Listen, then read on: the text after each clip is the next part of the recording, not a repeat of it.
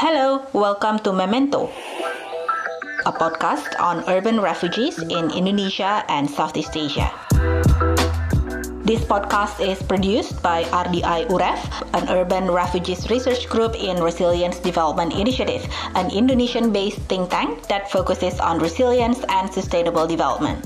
This episode is supported by the Royal Academy of Engineering UK under the Frontiers Champion Scheme.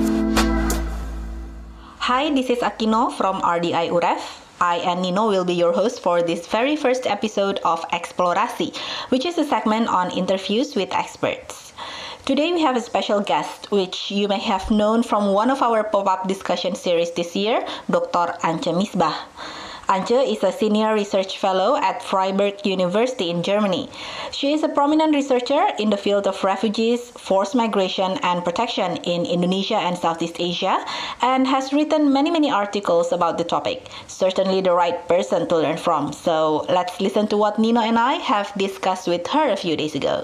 So this is the first. So this is the first time we we want to do this. Nino and I have read a lot of your your papers, your writings before, and it's really really interesting because it's. Um, I, I, suppose it's uh, perhaps one of the very very few writings that have very quite a comprehensive you know analysis um, like like what you did so maybe before before I ask a lot of questions related to um, your research, perhaps could you um, introduce a little bit about your yourself in terms of like how did you get into you know this topic in the first place and like what what was the evolution from the beginning of your research up to this point?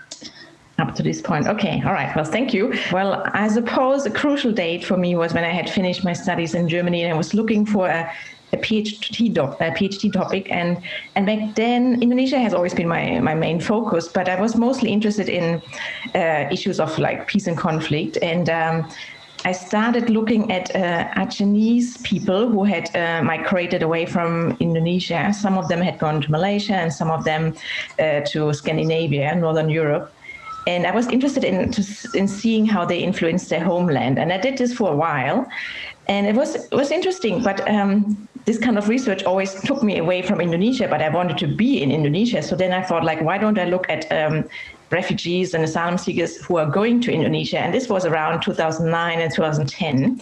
And we, we did see quite a bit of an increase in people coming to Indonesia because they were hoping to reach Australia eventually, either uh, through resettlement or by boat. Um, so after my PhD, then I I was lucky enough to get like a research grant that allowed me to to do some fieldwork in Indonesia.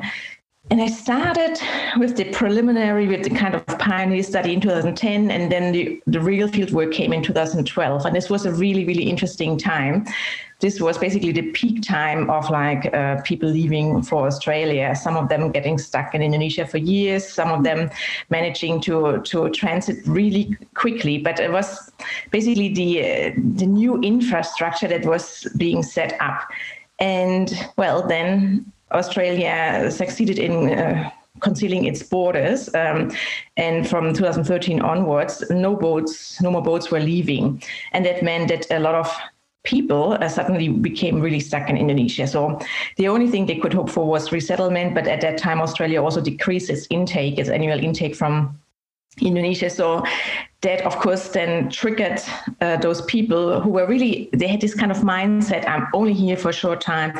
And that really started to uh, embrace the idea if we're going to stay here for a long time, well, we better make it as, as good as possible for ourselves. So suddenly they started to reach out not only to other refugees, but also to Indonesian communities. And that was, of course, a very interesting process to see. Oh, can I ask uh, just a very basic question? Why, why the interest in Indonesia? Oh, oh, why interest? Oh, well, that's a that's a very crucial biographic part of myself. Like when I finished um, class 10, which is like class Satu SMA uh, in, in your way of counting, I did an exchange year in Indonesia and I stayed in Semarang. And then this is where the love affair started. Oh, oh. What did you find um a difference from di- Aceh diaspora living in Europe and those uh, refugees living in Indonesia in a transit. What do you find difference, the difference between them? Well, I've never done like a systematic comparison, but there are, of course, a few things that stand out. I mean, when looking at the Acehnese diaspora in uh, different countries, you do see a very homogenic um, group. They're all Acehnese. They're very proud of being Acehnese.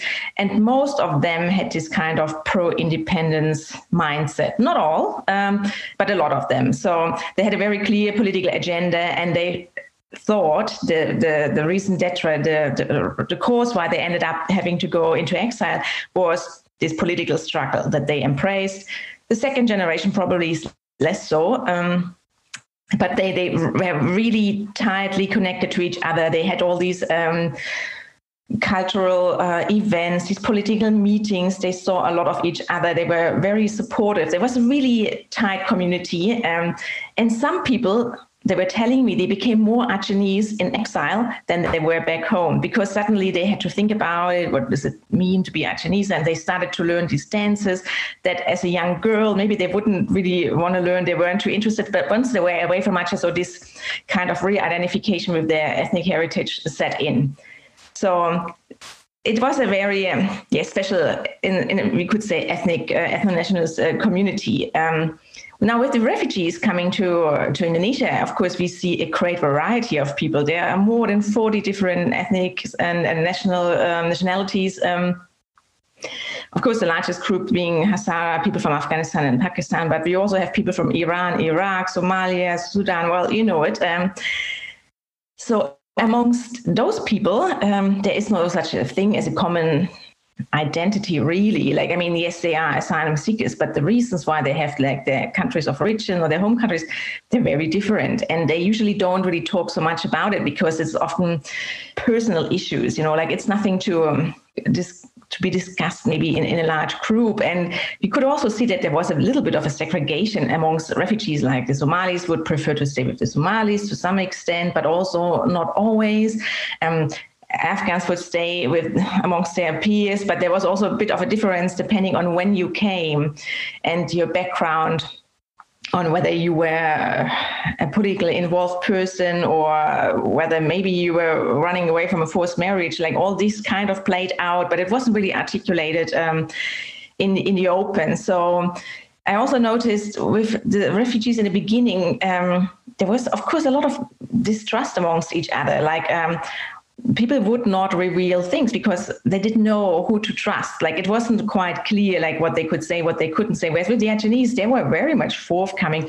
They would always tell me the agenda, expecting that I would take notes and uh, carry it out to the big wide world to announce their statement. So very different uh, ways uh, of like getting to know these groups. Um, with the Acehnese, it's easy. You get to know one person, snowballing sets in, and you get almost get to know all the uh, group here. Even though there was a bit of factionalism, of course, too. But it was it was easy, you know. Um, to, to navigate the infrastructure. I would know Acehnese people in Norway even before I arrived in Norway because I already was set up with contacts with, with refugees. You often start from the scratch. And I noticed that particularly over the, the field work that I was conducting after 2012, I came back every year, sometimes once or twice, um, as often as I basically had the time to do that. And sometimes I came back to Indonesia and the people that I had known or made contact with in the year before, they had gone. So basically I started again from scratch. So it's a, it's a completely different setting also for, for the research I was trying to, to conduct. So of course there are some people that have been staying there for years. And I do remember one Somali family that I got to know in 2010 and they're still there. They had the chance to be resettled, but they kind of decided against, which is a bit um, unusual but most of the people, yeah, after a while, some were resettled, some got on a boat, some some even went went back or somewhere else, or just lost contact. So it's a, it's a different scenario in in terms of like dealing with these groups. How do you see that? Why is those kind of places like connected with with the identity, and is it is it connected with um, the feeling of acceptance, for example. Those mm. Acehnese in Europe are accepted and they are politically uh, uh, protected. But those refugees transit in Indonesia, they are not accepted by the society and they don't have like a sweet memories or, or sweet experience in indonesia and they are not politically uh, protected how do you see that do you do am, am I, my opinion are like mm, correct in your uh, in your assessment. You, are basically the, asking about the, the, the cultural assimilation yes, or integration and acceptance. Um, well, I think maybe to start with, it always takes two to tango. So, of course, yeah. it depends on the individual and the surrounding uh, society on whether there is going to be some assimilation or not. And from my observation, the Acehnese were not very assimilated. They were, of course, accepted to the extent that, like, yes, there's another group of refugees coming here for a certain period of time. But then you also have to remember Europe is still very racist. You know, I mean, even though there is political asylum, it's always going to be very difficult for them, you know, in, in everyday life, just because of the different color of uh, their skin, different religion, depending on how outspoken they are when it comes to embracing uh, their, their religion in the in the in the everyday life. So I wouldn't necessarily say that there was a large degree of assimilation, but then again, I would sometimes be really surprised to see these small steps, you know, like, for example, people weren't really conscious about that they have already adopted a little bit, you know, maybe some of them like to eat licorice, you know, a very typical Scandinavian sweet that um, well, either you like it or you don't like it. You know, it's it's um it's a strange taste, and some of them did, and I was a bit surprised because I thought like, well, usually they prefer sweets, not this kind of bitterish uh, licorice stuff. You know, so you would sometimes see it with these small things. You know, that, that there was something that they liked. You know, some of them like to eat raw herring, which uh, even I wouldn't eat, you know, but they had kind of adopted this custom or it was all right for them, you know.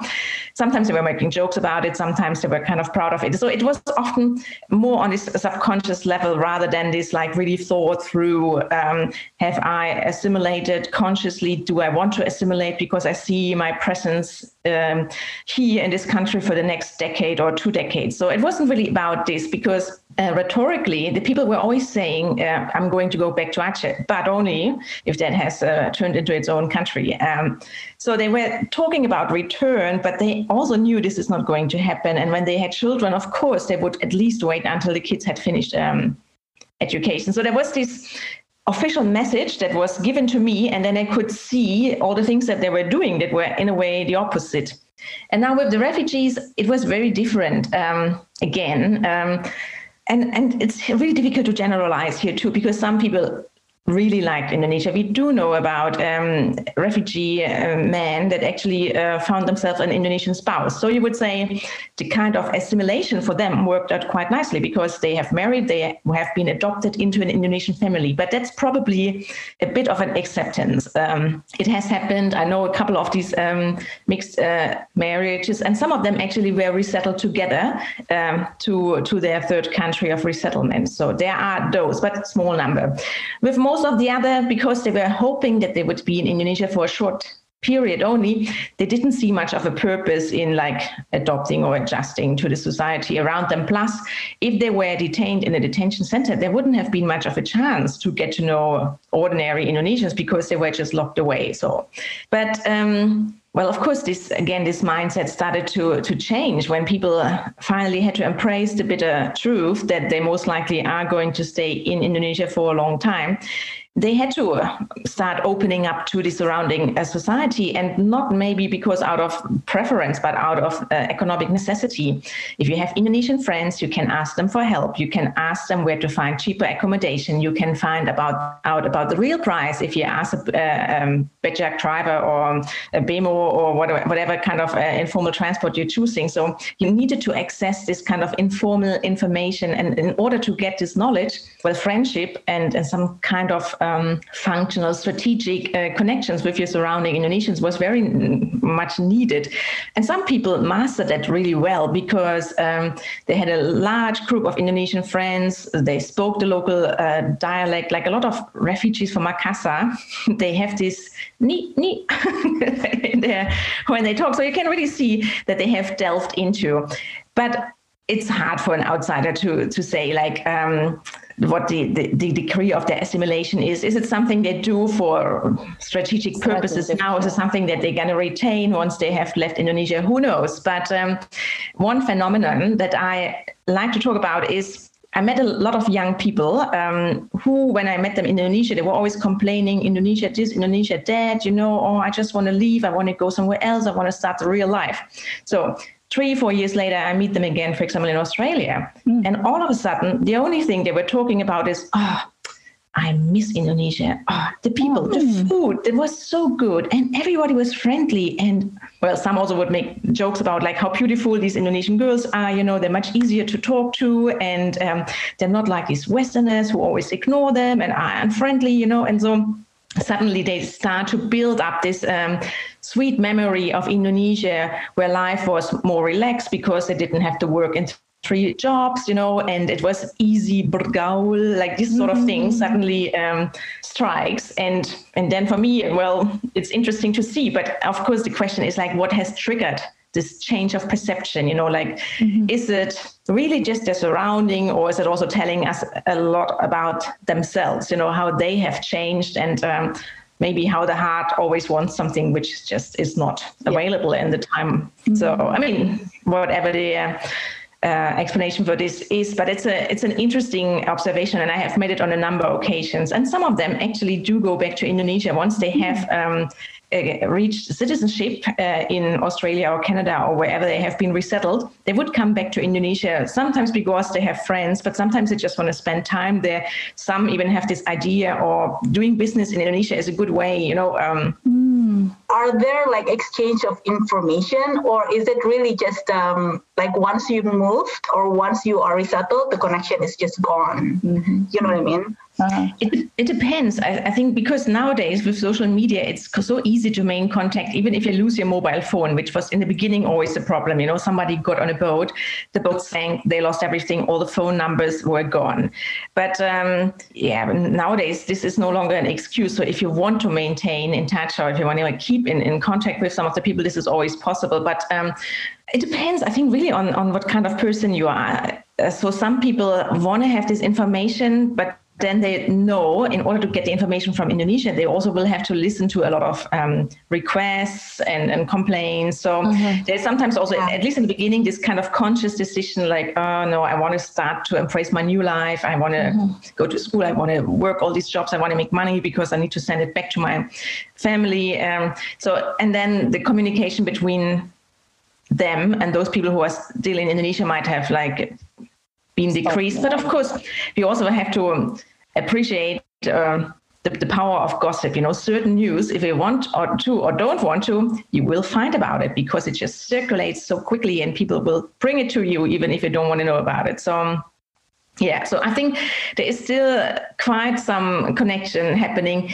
And then, of course, it will also be interesting to see what's going to happen in 10 or 20 years from now. Mm-hmm. Uh, and, and when people, you know, have reached this age where they start to lean back and think, so, oh, my life, what was this all about? And hmm, when they start to be, become maybe also more, more grateful or more appreciative of certain things. And the reason why I say this is a while ago, I went to, to Galang, and as you know, there's this, this cemetery where for people who uh, lost their lives oh, while they were uh, living in Galang. And some of the graves they are maintained quite nicely and some are almost uh, perished. But that means that there must be a group of vietnamese that returns to galang every now and then to take um, care of the grave. Because it's somehow important to them you know to remember this um, member of the family, but also to remember the difficult times they had there, but maybe also to uh, uh, commemorate or celebrate like what has come afterwards. You know, so it's it's almost like this this this pilgrimage, you know, to uh, to some of the maybe their darkest hours, but um, rather than to um, only condemn it. They kind of try to make it nicer. Some people have contributed to building a temple. So there is something much more than just the, the, the personal, uh, the individual uh, memory. So it's just kind of like wanting to maintain the collective experience so that future generation, generations might learn something from it. So again, for, for the people who had come to Indonesia in the early 2000s, 2010s, this is still too early. I think we have to wait another decade or two to see whether there is this kind of um, transnational lasting link that uh, mm-hmm. those people who have stayed in Indonesia for a year or five or ten, whether there's something that connects them to the place or to the people. Mm, that's very interesting because uh, for me, the transit period, how can we like I'm always thinking about the argument that we can present to the government or the the, uh, the Indonesian society about the needs to accept and the needs to not accept but uh, more friendlier to, to, to, friendlier to those refugees. And uh, one of the argument that they always uh, presenting as a counter argument is always this is only transit. But mm. with uh, having this kind of experience, uh, we have to have this kind of argument to make government believe that those people are not here to make us yeah to, to burden us. But those people are also can be here to, to be some some some messengers probably in the mm. in the hmm. world like something like that it's yeah, good that you see like the strategic purpose of, uh, of this yeah i mean I, I, really agree like i mean when it comes to this idea of soft diplomacy we could see or we could try to perceive refugees as like cultural mes- uh, cultural messages you say or even ambassadors you know they will mm-hmm. present a picture or an image of indonesia to a much wider crowd we don't yeah. know who that will be but uh, they will have something to say about Indonesia. And if Indonesia is concerned about its reputation, its image globally, well, there you go.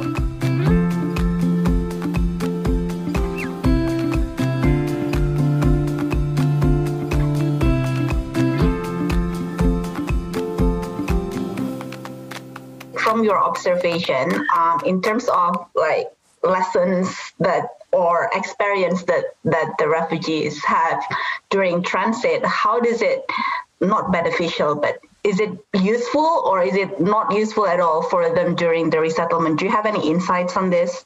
Perhaps. I mean, again, only anecdotal anecdotal observation because I don't think that anybody has done like a systematic um, study to to see like what kind of hard skills and soft skills have been acclaimed while in transit and how have they those been utilized. But i mean honestly i think learning a, another language is always going to be a big asset. Like no matter what language this is you know whether it's indonesian or bahasa makassar or any language i think i mean i'm not a neuroscientist but I, I suppose everybody would say like the more languages that you learn at a certain age, like it really has a lasting impact on your um, brain because then the next language after that that you're going to learn is going to be so much easier because you already know how to learn a language. And even if you didn't get like um, systematic instruction, you know, by an expert who tells you start with the grammar and then this and then that, you know, you do acquire this kind of idea, like what do you need to know, what kind of expressions, you know, like what what are the important words and which is the vocabulary you will probably never need again. So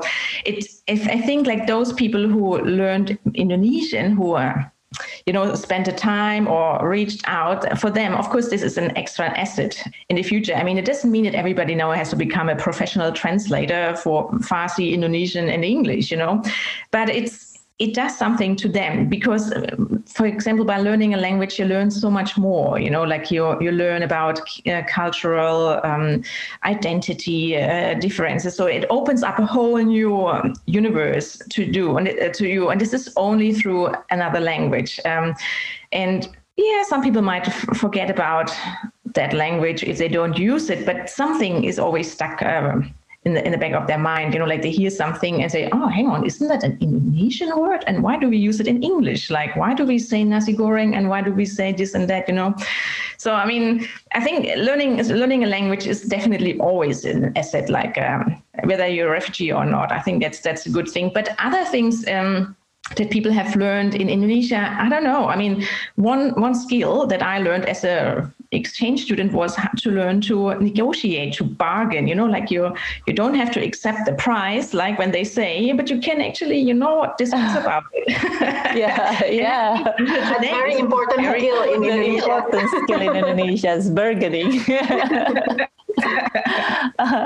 so yeah, there's lots of other examples we could uh, think about, but yeah, of course, it, it's a good possibility if you actually uh, are not locked up behind bars. You know, I mean, as soon as people are put in, in a jail, you know, for years, then there's nothing good about it. You know, like even if they learn to be resilient, but there's nothing that they can really take in, in positive terms with them. Um, this is as soon as people are locked away, it's going to crush them. It's cause damage to them, like lasting damage. You know, like people usually doctors say, if somebody is being uh, locked up for more than three months, like the the consequences for for people's mental health, they're tremendous. Years later, you know, like um, they will have to deal with God knows nightmares, depression, anxiety, this and that. So anything that is detention in, in transit, really, really, really bad idea. But if people have some freedoms, if they are somehow in charge of what they can do, who they can reach out, you know, this is always going to open up a much better mm-hmm. way for them to, um, yeah, yeah. live a better life. Yeah don't, there's no more uh, refugee in detention in Indonesia. Yeah, that's that's a very good one of a good step that we can uh, we can add on the positive side. if we if we have this this uh, uh, uh, uh, table of what has been done and had should be done, something like that from your observation, should we want to like um, helping helping those refugee youth who stuck in Indonesia for years? What is the most like important skill? Mm. What is the most important thing in the resettlement if they got resettled, of course? Uh, but these are different, very different skill sets. I mean, first of all, I would say to find out what people think is the most important thing they need right now. The best way to find out about this is of course asking them uh, doing some surveys. And but then i think you also have to be really precise. Like um, the skills or the needs that people have while they're still in indonesia are probably very different from for example the skills and the needs they will have once they are resettled. And of course people um, want to ideally start preparing now for something that they can use later. But we still don't know what this is going to be the later, like what is going to be a transferable skill. I mean, I, what I noticed is like, um, a lot of refugees they start to learn coding you know like this kind of computer languages and, and programs because they know um, in western countries there's always a shortage of it experts so so one would think, well, great idea. Let, us learn coding. It doesn't need much, you know, like you need to learn these languages and and and once you have mastered that, you can write these computer programs. But then again, it's evolving and, and changing very quickly. So something you learn today might be outdated next year. So it's yes. a good idea, but uh, it might or might not work for the for the time being nevertheless, I think what's the what's the harm if you know it? You know, like surely you can upgrade it later on or extend it. So, but I don't know. I mean, it seems that a lot of people they they need to find means to first of all keep busy uh, and not go mm-hmm. depressed, but also it's about economic needs and people they don't usually want to have charities, you know, and stuff given to them for free. They they usually uh, find more purpose and more meaning if they mm-hmm. know this is what I have earned, you know, with my own power, my, my like kringat, kringat sendiri, or what is it like a mm-hmm. something they, they, you know, it might be a, a, small old car, but at least, you know, I earned it, you know, like it was not given to me, or this is an old bicycle and maybe, you know, this and that, but at least, um, I, I, have managed to get it. So that, that makes them proud, that gives them dignity. But of course, this is the big issue for Indonesia, like the kind of working permits. Um, the main issue here is probably that um, the go to uh, authorities uh, in Indonesia were, were always uh, people from the foreign ministry. But when it comes to issues such as work. It's not their portfolio. So the civil society, UNHCR, and, and whoever wants to lobby for this kind of rights, they will have to identify different people in different uh, ministries to actually involve them but I don't know from from the uh, what's it Kementerian uh, Sosial or Kementerian Tenaga Kerja. I don't know how much, for example, they have been educated about refugees or what their mindset is. You know, as um as a sector, whether they just um, still conf- uh, confused about you know labor workers, uh, labor migrants, and, and, workers from China and refugees. Maybe they still throw them in the same pot and therefore mix up uh, all the um, issues that um, mm-hmm. are of course very different. You know, so I, I, can't really say much about this, but I suppose. Um, involving them into a large discussion and always pointing out that um, refugees are not stealing jobs from Indonesia, this, this gas asset, but they are rather adding something which otherwise would not exist. I think it might be the start to come up with some sort of convincing argument. But um, it's when when they talk about work rights, it's usually not about like um, being allowed to work as construction worker or, or, working in a factory. Like these kind of jobs, there's lots of Indonesians who are really keen to do these jobs, but it's really more about um, being able to um, to do things, you know, like maybe uh, work as a journalist or be a consultant or be allowed to do business. I remember visiting one of the job fairs that were organized by the UNHCR and um, they had about 50 groups or something, always mixed Indonesian uh, and, and non-Indonesian refugee.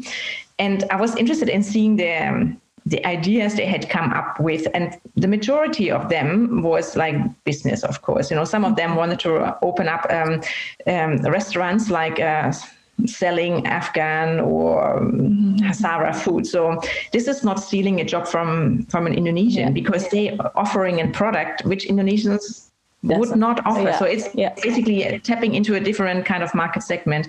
But then there was also like particularly the Somalis, they were keen on doing this kind of import export thing. They thought like Indonesia has beautiful textiles.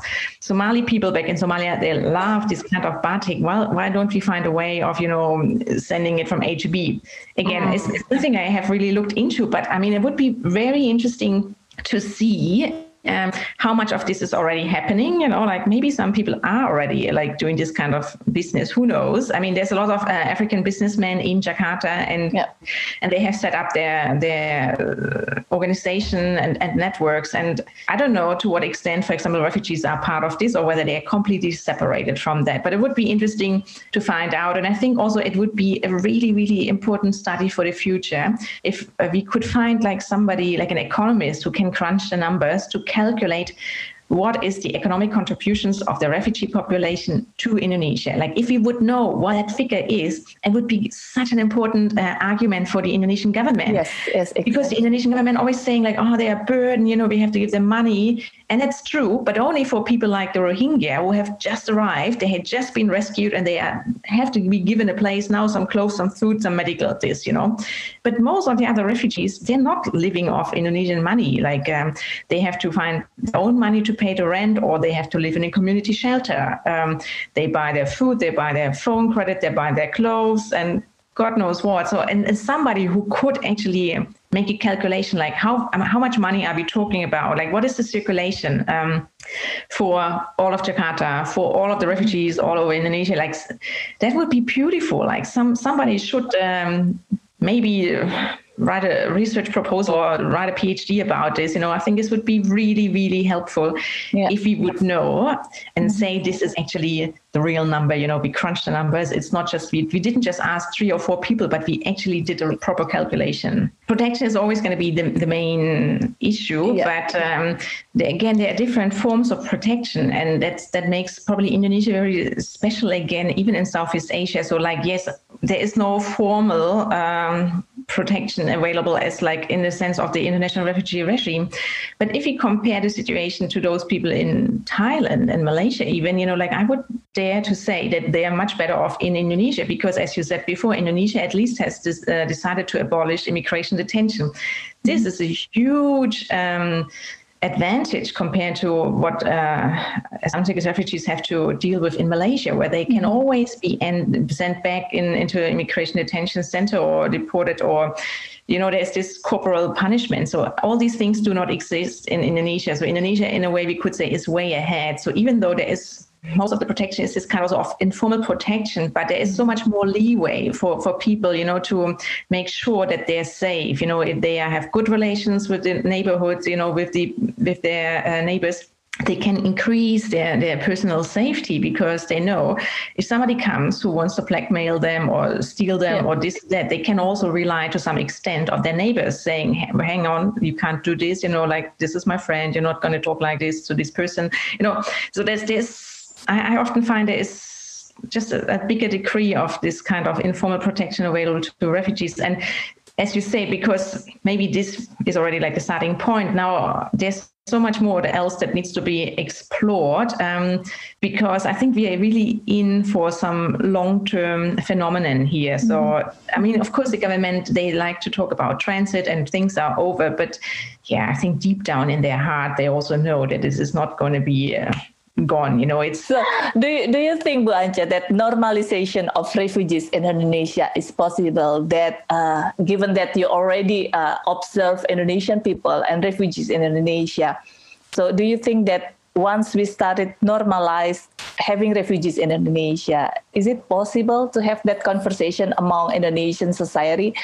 Yeah, I, I very hope so. I mean, normalizing is really a good word, and not just in regard to Indonesia, but basically for the entire world, because the conversation now is always people say we need solution. And then you think like uh, okay solution like solution for what? Like what how, how do if you want a solution you need to define the problem. Like what is the, actually the problem? Like and then people say oh the existence of um, refugees this is the problem. And i said like well then it's all about changing the root causes. Well i like when you say normalizing because it in a way means that we will have to accept there will always be refugees. There will always be people for uh, who have to leave their homes and their home countries for different reasons. This will not stop. And we are not in a position to stop this because we're simply not doing anything for this. Mm-hmm. So if we accept the fact that people will be coming and going, and sometimes they're coming from Somalia because something goes wrong there, but maybe then the conflict in Somalia comes to an end. But there will be people from Libya or there will yeah. be people from Myanmar. So if we Other kind places, of accept yeah. that this fact that there's always going to be this kind of global movement and mass movements, that a lot of people will be coming short period of time. If we can accept this as a fact, you know, then we can actually start to normalize because um, that means in some circumstances these people will all come to Europe. In some circumstances they will all go to Asia, you know, like so this is the normalizing by saying, well, we just have to live with this fact that people might come to our country and then we have to deal with it, you know. And the solution is not to push back uh, the boats into the sea. Like if we see people um, like the Rohingya who have been on, on a boat for months uh, in, in the Andaman Sea. The solution is not to send them back to uh, Bangladesh, mm-hmm. who will just put them on this uninhabitable island. The solution is to bring them on land and uh, to find a way of dealing with them uh, until they have or they are in a position to decide what they want to do next. And that could be that they wish to go back, or that could be that they wish to go somewhere else, or that could also be that they say, like, well, actually, we would like to stay here. What do we have to do to be accepted as citizens in this country? Like, what can you do that um, we are accepted as taxpayers? What can we do to contribute um, to Indonesia? You know, like uh, being more relaxed, being uh, treating it as a normal issue, you know, without so much panicking. I think it's definitely would would be a very healthy recommendations, not just the government in Indonesia, but uh, I think even more so to uh, to the governments in Europe and in Australia. Like they they are even worse when it comes to panicking. My my question is really I I want to know like what is your plan at the moment in terms of like uh, research, research, and um, with different plans, uh, mostly trying to finish up some some half-baked ideas. So I'm, I'm doing a, a special issue with a colleague from Australia um, on yeah, refugee, refu- uh, regional refugee protection in, in Southeast Asia, and we're particularly focusing on, on the so-called local turn. But it's mostly with lawyers, so it's going to be very legalistic, uh, a collection of papers. So we have to finish this, and um, then I also have to finish a book which is not really about refugees, but kind of uh, related to them. It's about uh, the people smuggling networks that had uh, developed in Indonesia. So, and then for the more remote future, I think I would like to do something more comparative. You know, uh, looking also uh, at uh, Thailand, Malaysia, and Indonesia to to develop a bit more of a macro perspective what's happening in the region. So that, that's possibilities. Nino, what do you think about our discussion with Ibu Ance Missbach?